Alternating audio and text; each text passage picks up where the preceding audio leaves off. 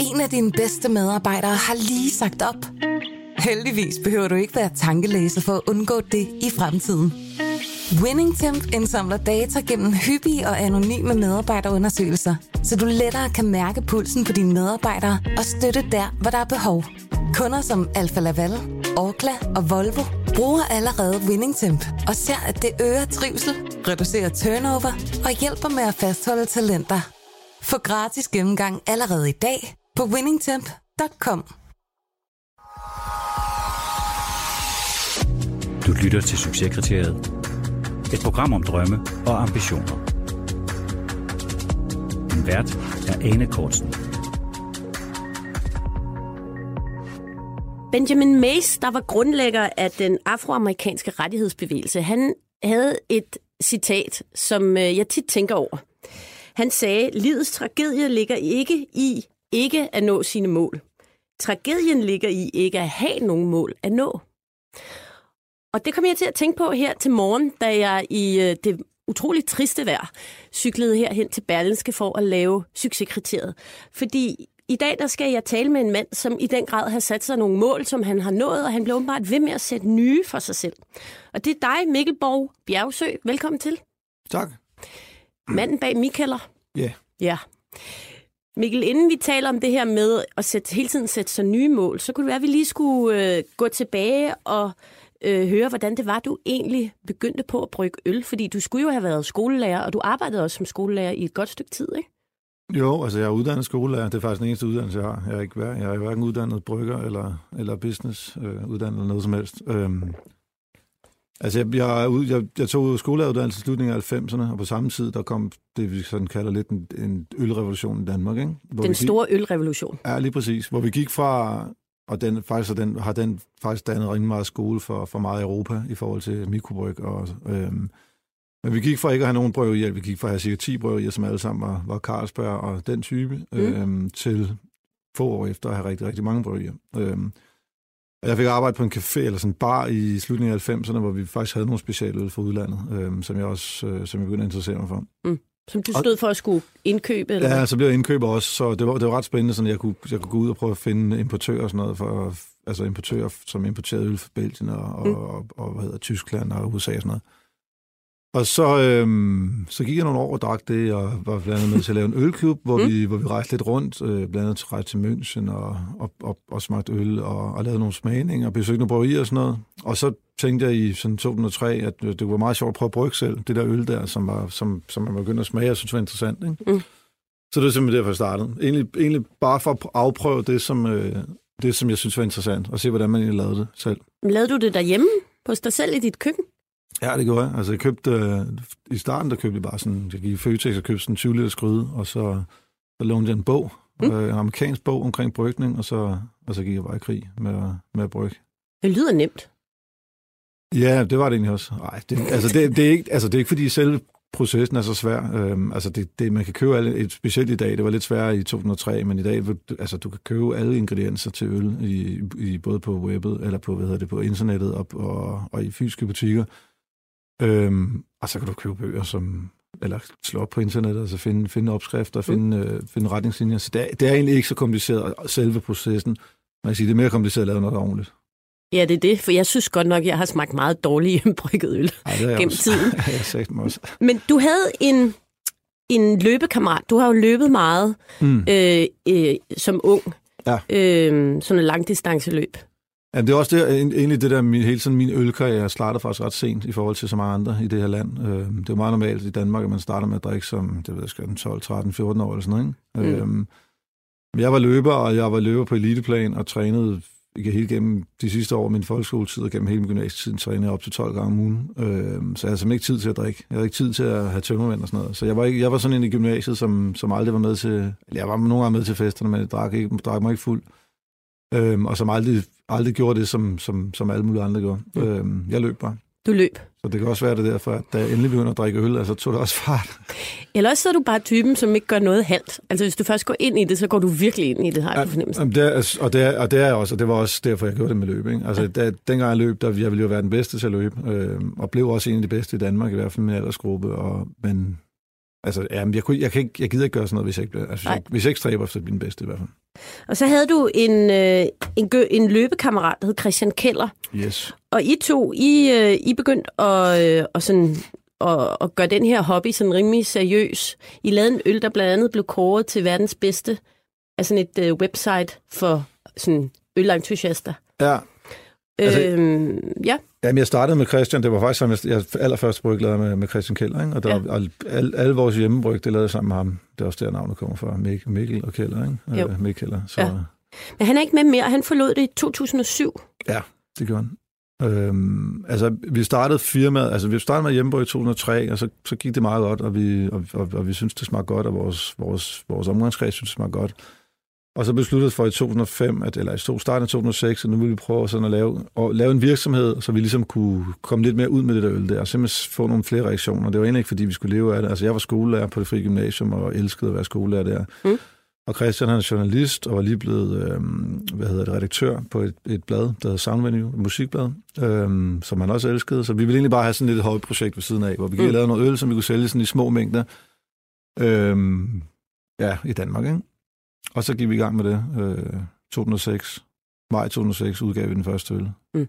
Og den blev så, eller den var faktisk allerede, fordi vi havde, vi havde lidt fået nogle ud af de, vores hjemmebryg ud.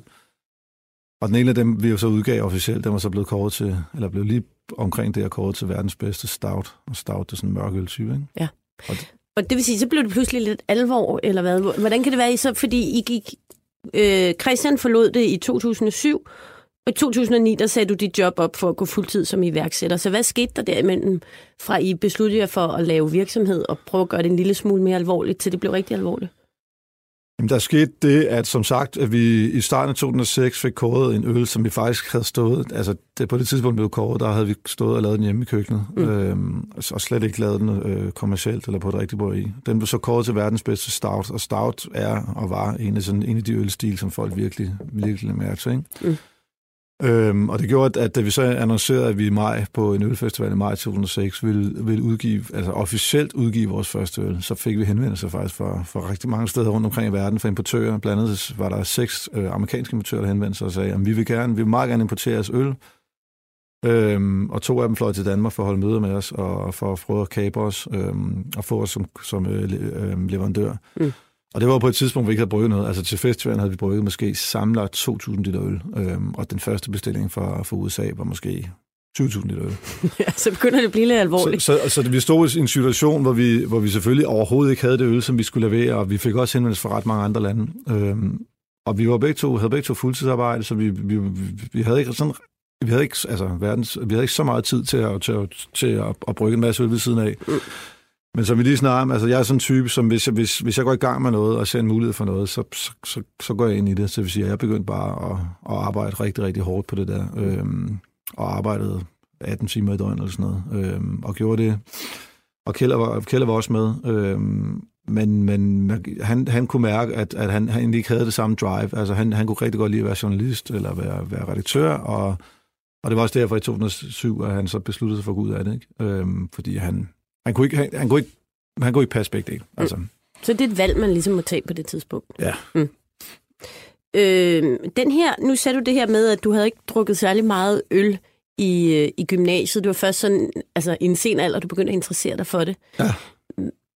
Hvad tror du, øh, hvis du, kan du prøve at sige, hvad, hvad, hvor kom interessen fra, da du så begyndte at interessere dig for øl? Hvad var det, der var så fascinerende ved det? Men jeg tror, at det der med, at, at da jeg startede med at drikke øl, øh, som var sådan noget slutningen af 90'erne, øh, efter jeg tog til, efter gymnasiet tog til USA to gange på et scholarship for løb, øh, og derover der ja, var lidt skadet og sådan noget, og, og, og var kommet væk hjemmefra, og syntes, at det var meget interessant at være, og jeg boede på sådan et, et, et, et sådan hus med andre unge, og, Mm. og så, ja, så begyndte jeg at drikke øl der, ikke? fordi at, så skulle man til at have det sjovt, ikke? Ja. og man var væk hjemmefra og sådan noget.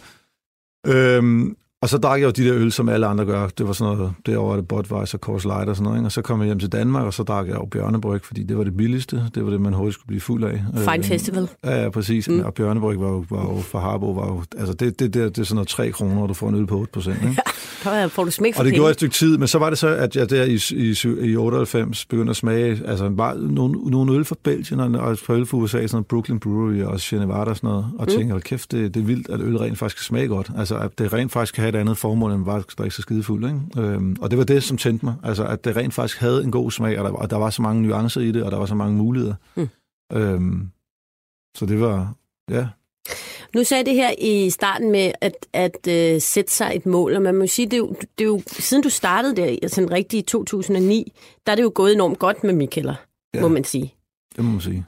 Og nu har du sat dig nye mål, fordi nu er det jo ikke kun øl. Hvad er det, hvad er det du har udvidet forretningen med? Jamen, altså, jeg, da jeg startede det hele, der ville jeg jo bare, altså, jeg ved godt, at, det kan lyde sådan lidt, og specielt i sådan en jantelovsland som, som Danmark, det der med, at jeg, men jeg sagde, at jeg vil lave verdens bedste øl, fordi der er ingen grund til at, at stræbe efter mindre. Og jeg tror aldrig, jeg kommer til at lave verdens bedste øl, og det er egentlig også fint nok. Øhm, fordi, Hvor, jeg, hvorfor tror du ikke det? fordi det er subjektivt, og hvem bestemmer, hvad der er verdens bedste øl. Og hvis jeg en dag laver en øl, som, lad os bare sige, den bliver kåret som verdens bedste, ligesom Noma er blevet kåret som verdens bedste restaurant. Altså, det kan være året efter, så er, der, så er der en anden øl, der bliver kåret som verdens bedste, og så er det jo ikke verdens bedste øl længere. Så det, så det, det, det er egentlig sådan et, et, diffu, eller et, et fiktivt mål, som, som egentlig er meget godt, at, at man ikke opnår, fordi at, altså, hvad skal man så stræbe efter, hvis man bliver verdens bedste? Så kan man ligesom ikke blive bedre. Så det er sådan et mål, der hele tiden bevæger sig foran dig. Du kommer aldrig til at indhente det. Nej, for selvom jeg lavede, selvom jeg lavede i, i går så en verdens bedste øl, så vil jeg altid prøve at blive bedre alligevel. Jeg vil altid prøve at lave den næste øl bedre. Øhm, og det gjorde jeg i mange år. Så, så i 2010, der åbnede jeg min første bar i København. Øhm, og det var, det var så faktisk også med henblik på at lave verdens bedste bar. Altså verdens bedste ølbar. Altså, det- det- jeg vil simpelthen lave en ølbar, som, som efter min, mine, mine, min mening og mine, mine ambitioner simpelthen var det bedste sted. Øhm, et sted, som jeg, det, det sted, som jeg aller, allerhelst ville gå, hvis jeg skulle ud og drikke øl. Øhm, og så begyndte vi at lave flere barer, eller begyndte jeg at lave flere barer, og så lige pludselig så, kom, så, så fik jeg mulighed for at lave en restaurant, og så lavede jeg det, og, og igen med, med henblik, henblik på at lave det bedst muligt. Øhm, Hvordan har du det med, når du starter de her ting? For eksempel, du siger, at du starter en bar, så starter du en restaurant, og som du sagde tidligere, så har du jo ikke nogen sådan CBS-uddannelse eller noget. Du starter sådan på din mavefornemmelse. 100 procent. Hvordan har du det så med det, når det så ikke lige går i første omgang, eller det ikke lige bliver verdens bedste, som man regnede med til at starte med? Hvordan har du det med det?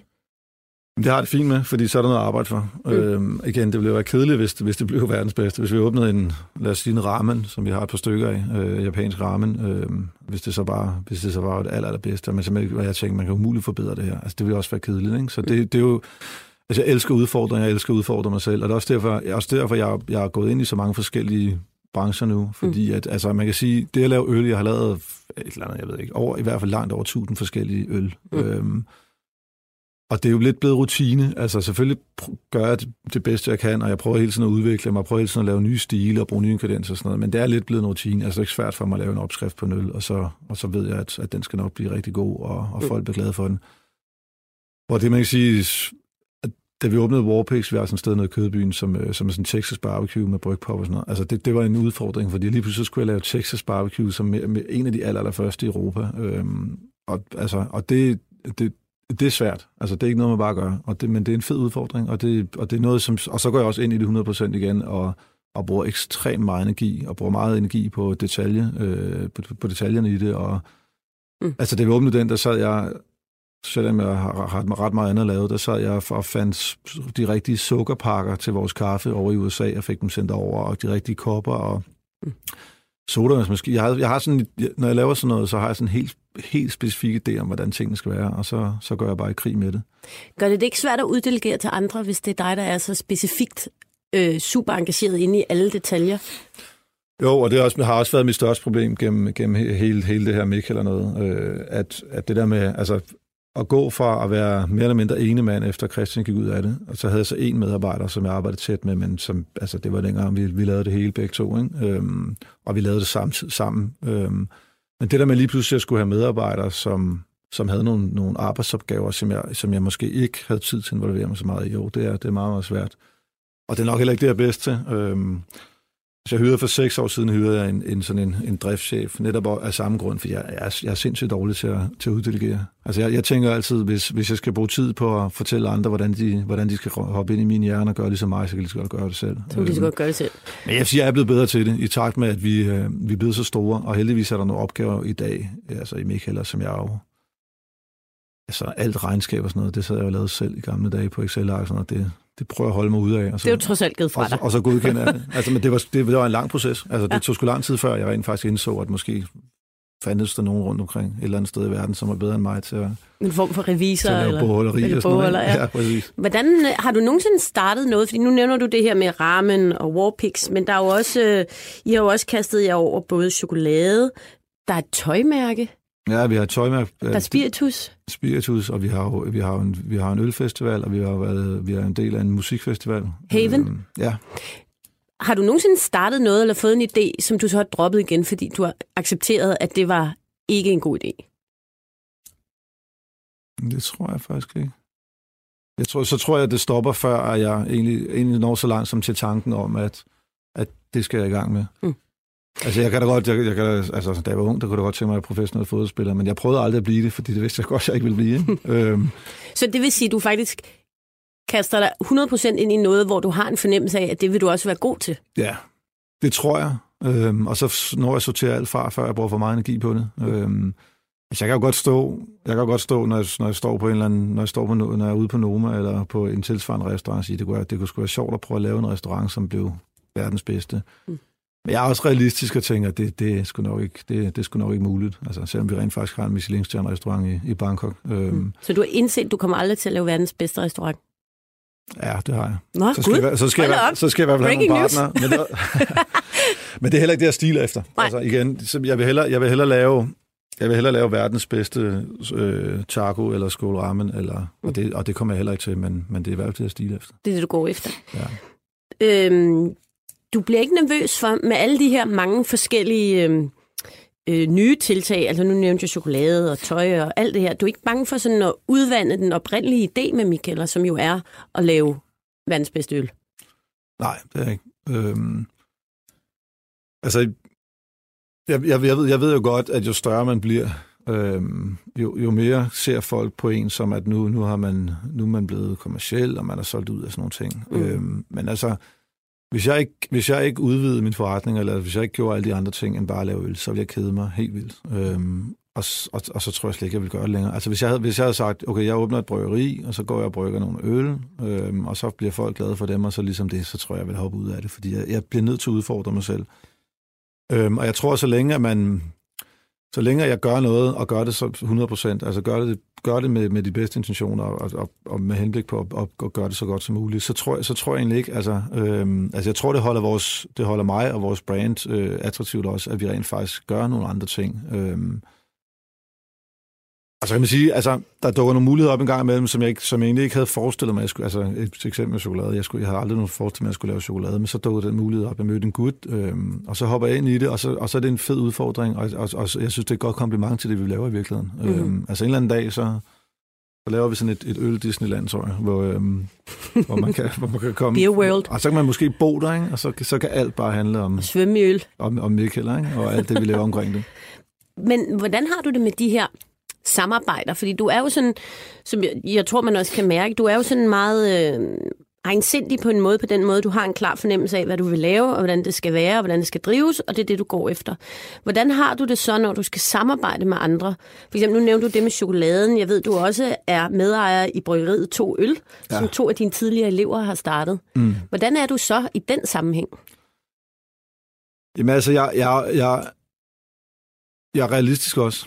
Altså, jeg har, jeg har øh, chokolade, vores, vores chokoladefirma Bean Geeks, det har jeg sammen med en gut, der hedder Mads, Mm. som øh, var sådan en, en, en, han var sådan en lille hippie, der boede nede på en strand i Spanien, som øh, kontaktede mig og sagde, jeg har fundet en, en, en kakaofarm i Puerto Rico, øh, Mm. og skal vi ikke lave chokolade sammen? Og så sagde det kan vi godt, men hvem skal lave det? Jeg kan ikke finde ud af det. Og så sagde han, det skal jeg nok finde ud af. Og så gik han i gang hjemme i køkkenet, ligesom, lidt ligesom mig, med, med øl, og så begyndte han at riste, stå og riste bønner på sin vok, kakaobønner. Og så fløj, det lyder helt fantastisk. men det er faktisk ikke engang løgn. Og så fløj han til København fire måneder senere, øhm, og mellemlandet i Paris, og gik ind i en, en, en chokoladebæks og købte alt det, der som er kendt, så, eller sådan alle de bedste chokolademærker i verden, og så fløj han op til os, og så sad, sad vi på mit kontor, og så smagte vi igennem alle, alle de chokolader der, og så var hans klart en af de bedste, altså i top, top 25 procent eller sådan noget. Og så, gik, og så gik vi i gang med det her firma her. Og jeg ved jo godt, det er sgu ikke mig, der, der skal stå og riste de der bønder der. Altså det, det kan han Det finde kan du ud af. godt. Det kan du Øhm, godt så, så, Og det, er det, altså, samarbejde handler selvfølgelig om at finde nogle mennesker, som, som har nogle kompetencer, som du ikke selv har. Øhm, og så kan jeg bidrage med mine kompetencer. Så, så, har jeg jo, så har jeg jo nogle kompetencer bygget op inden for, både inden for forretning nu, men også inden for sådan branding og sådan noget, som jeg også selvfølgelig kan tilbyde i det, i det her henseende. Ikke? Mm. Øhm, og så er der nogle samarbejder, sådan som to øl. Altså det, jeg, jeg har grund til, at jeg er en del af det. Øhm, altså jeg vil sige, at jeg er en meget passiv del af det, fordi at jeg prøver ikke at blande mig, fordi at, at, at to øl gør det skide godt selv, og, det, og, og Tore, som, som har hoved, hovedparten af det nu, han er jo sindssygt dygtig. Øhm, en, af mine, en af mine gamle elever. Øhm, så jeg prøver egentlig at rådgive ham på bedst, bedst mulig måde, og, og, og han kan bruge mig, øh, hvilket han også gør øh, jævnligt, men, men, men jeg har ikke behov for ligesom at sætte mit, mit præg på hans forretning, øh, okay. fordi jeg ved, han kan selv. Altså, det ville jeg gøre, hvis, hvis, hvis jeg kunne se, at der var nogle ting, som jeg, ikke, som jeg, som jeg synes, han gjorde forkert, men, men, det, men det er der slet, slet ikke. Så. Mm. Hvis du skal prøve at sætte nogle ord på, hvor Michael og brandet er i dag, altså øh, hvad er sådan jeres... Hvordan vil, man beskrive, hvordan vil du selv beskrive det? Fordi altså, oprindeligt, sådan som jeg opfattede det engang, lige da det kom, der føltes det sådan meget undergrundsagtigt. Ja. Øh, etiketterne var meget vilde og havde nogle vilde navne, og det føltes sådan meget, ja netop sådan, øh, som sådan den frække dreng i klassen. Det kan man mm. jo ikke være længere, når man er blevet så stor, som I er.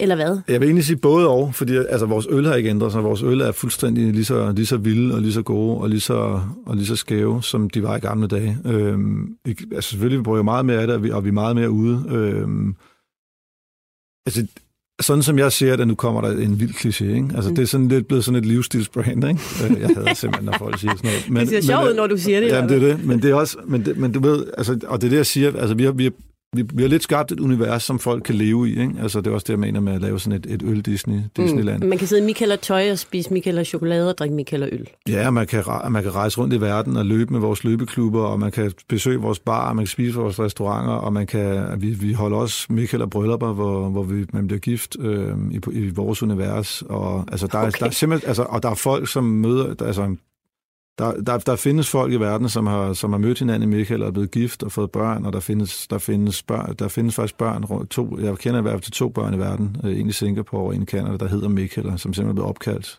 Nej, det er jo helt efter, kult efterhånden, Mikkel. Det er, ja, det er ret vildt, ikke? inden for øl. Ja, men det, er, men det er ret vildt. Mm. Og så er der jo tusindvis af folk, der har fået tatoveringer med Michael. Øhm. Men, men igen tilbage til mit spørgsmål, hvordan bevarer I så den kant, som I ligesom er født med, og som du jo også har? Jamen, det tror jeg, vi netop vi gør ved at, at, at gøre så mange ting. Altså, mm. fordi hvis, hvis, hvis, vi, hvis vi bare beslutter os for, og nu er det bare et eksempel, mm. at vi skulle åbne så mange kaffe, juice bar som overhovedet muligt, på så kort tid som muligt, og de skulle være fuldstændig ens, så tror du, det er svært. Men hver gang vi åbner noget nyt, eller laver en ny festival, eller laver en ny restaurant, eller begynder at lave spiritus, eller lave chokolade, så er det jo en ny ting, så er det sådan en, en, en, en ny del af vores univers. Og jeg tror ikke, folk i lige så høj grad oplever, at vi, vi, vi er så kæmpe store, fordi at alt er, altså, alle vores barer, hvis rundt i verden, så de er unikke. Altså, vi, vi går meget, meget op i ikke at kopiere os selv. Altså, vi går meget op i, at den næste bar skal være anderledes end den forrige. Hvis den, hvis den ligger i Tokyo i Japan, så skal den ikke ligne den, der ligger i, på Vesterbro, fordi det giver ikke mening for mig.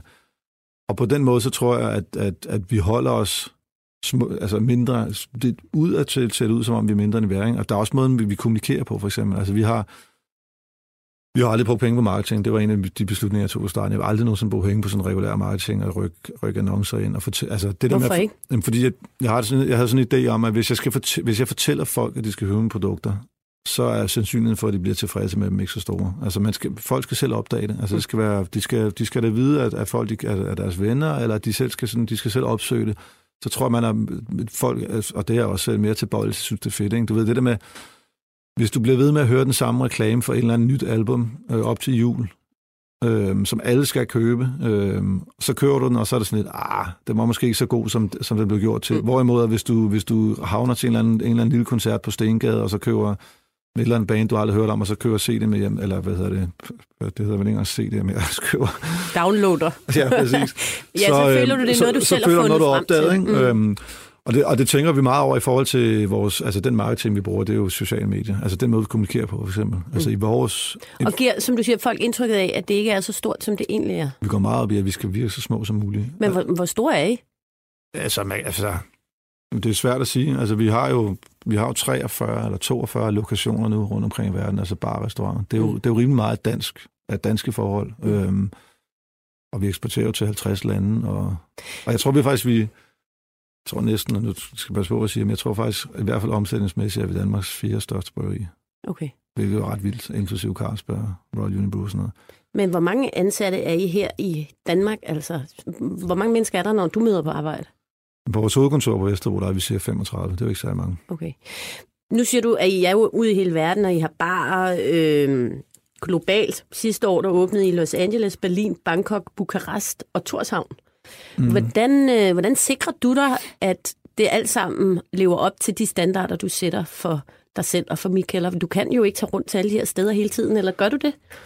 Nej, altså jeg tager rundt altid, jeg er altid til åbningerne, øhm, og så har jeg ofte, for, altså næsten altid besøgt dem et, et, et par gange før, ikke? Øhm, under opbygningen. Øhm, og så har jeg efterhånden et sindssygt godt team, som, øh, eller hold af folk, som, som kender vores værdier og ved, hvad, hvad jeg gerne vil og hvad jeg tænker, mm. som er dybt involveret i det. Ikke? Altså vi har vi har jo både folk, som, som er sådan uh, quality controllers, hvor de, hvor de ser ud og, og kontrollerer, at, at service er rigtigt, og maden er rigtig og sådan noget. Vi går meget op i, og altså alle de her steder har jo, har jo deres egen sociale medier, vi går meget op i også at kigge på dem og give dem råd og vejledning og sådan noget.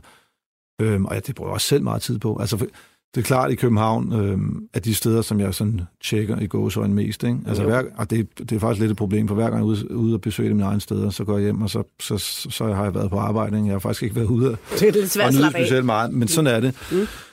Men altså, det bliver selvfølgelig sværere og sværere. Øhm.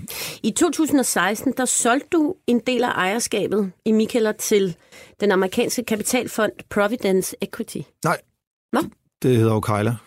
Grunden til, at der, der blev skrevet nogle artikler om, at Providence Equity, de to gutter, der har Okejler, de kom fra Providence Equity. Okay, så det var en, en udspringer af det? Ja, eller? lige præcis. Men, men hvorfor gjorde du det? Det gjorde jeg, fordi at, øh, jeg var nået til et punkt, hvor firmaet var blevet ret stort, og jeg sad som 100% ejer, øhm, og jeg, bare, jeg, blev sgu, jeg blev sgu lidt stresset over det. Altså, jeg fik ikke stress, men jeg, jeg, jeg lå søvnløs om natten og tænkte, hvad nu? Mm, du havde nok at se til.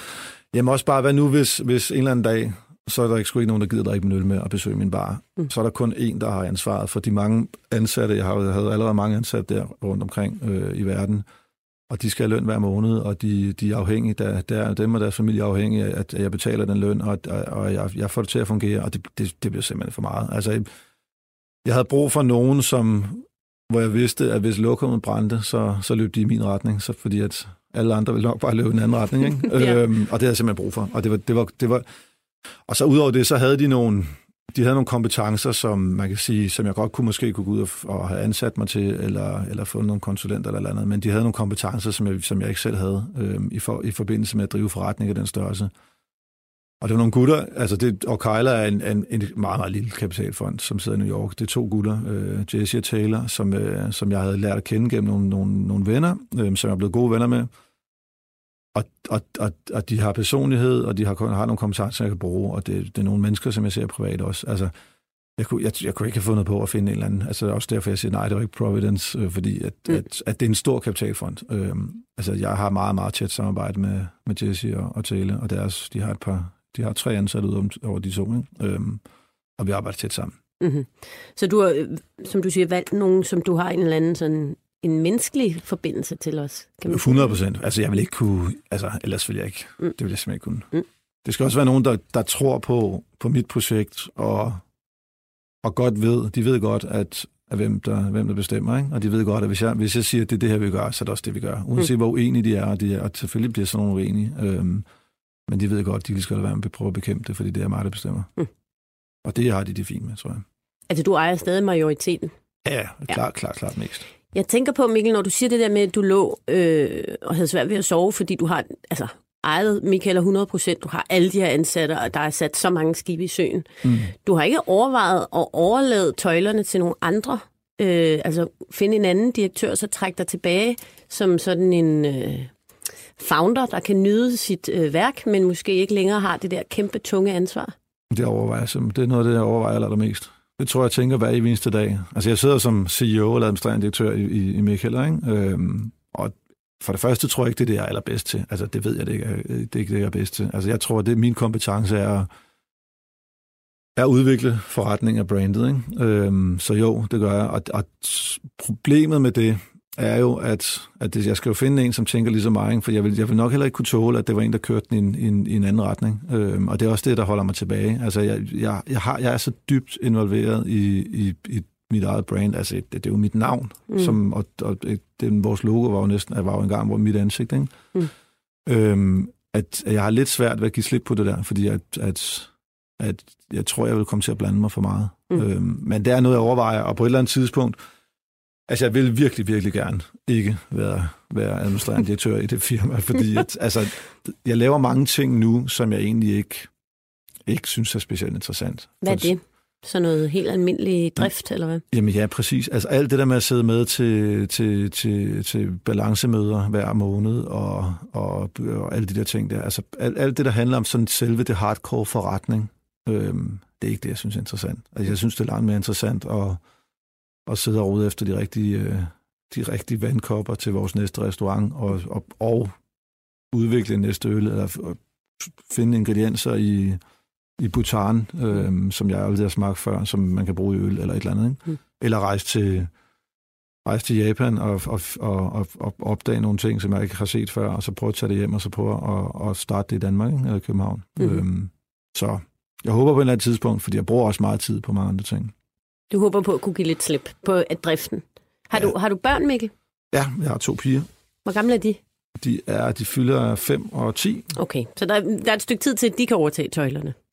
Ja, men det er jeg sgu heller ikke sikker på, at de skal. Altså, det, det, det er egentlig ikke min ambition. Mm. Uh, jeg, tror ikke, jeg tror ikke, det skal være sådan en familieejet virksomhed, der går i, der går i generationer, fordi altså, jeg vil næsten ikke pådutte mit projekt, og det er så meget mit projekt, det her, at, at Altså, altså, jo, de må, hvis de meget gerne vil, øh, så må de gerne, men, men altså, jeg, du ved, du hører historier om sådan nogen, som, altså...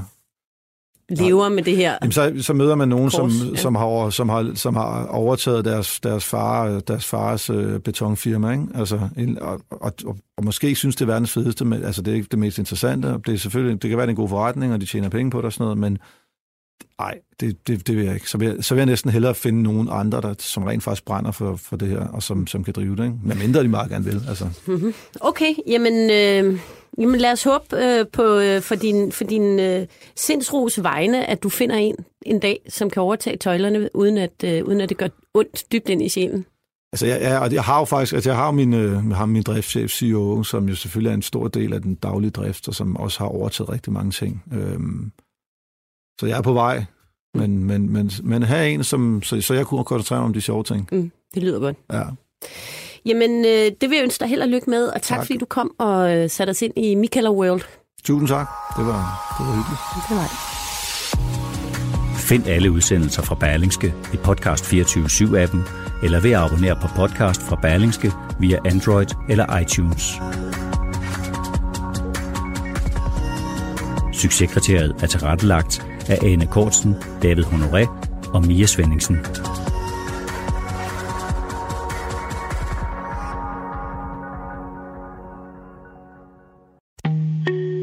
En af dine bedste medarbejdere har lige sagt op. Heldigvis behøver du ikke være tankelæser for at undgå det i fremtiden. WinningTemp indsamler data gennem hyppige og anonyme medarbejderundersøgelser, så du lettere kan mærke pulsen på dine medarbejdere og støtte der, hvor der er behov. Kunder som Alfa Laval, Orkla og Volvo bruger allerede WinningTemp og ser, at det øger trivsel, reducerer turnover og hjælper med at fastholde talenter. Få gratis gennemgang allerede i dag på winningtemp.com.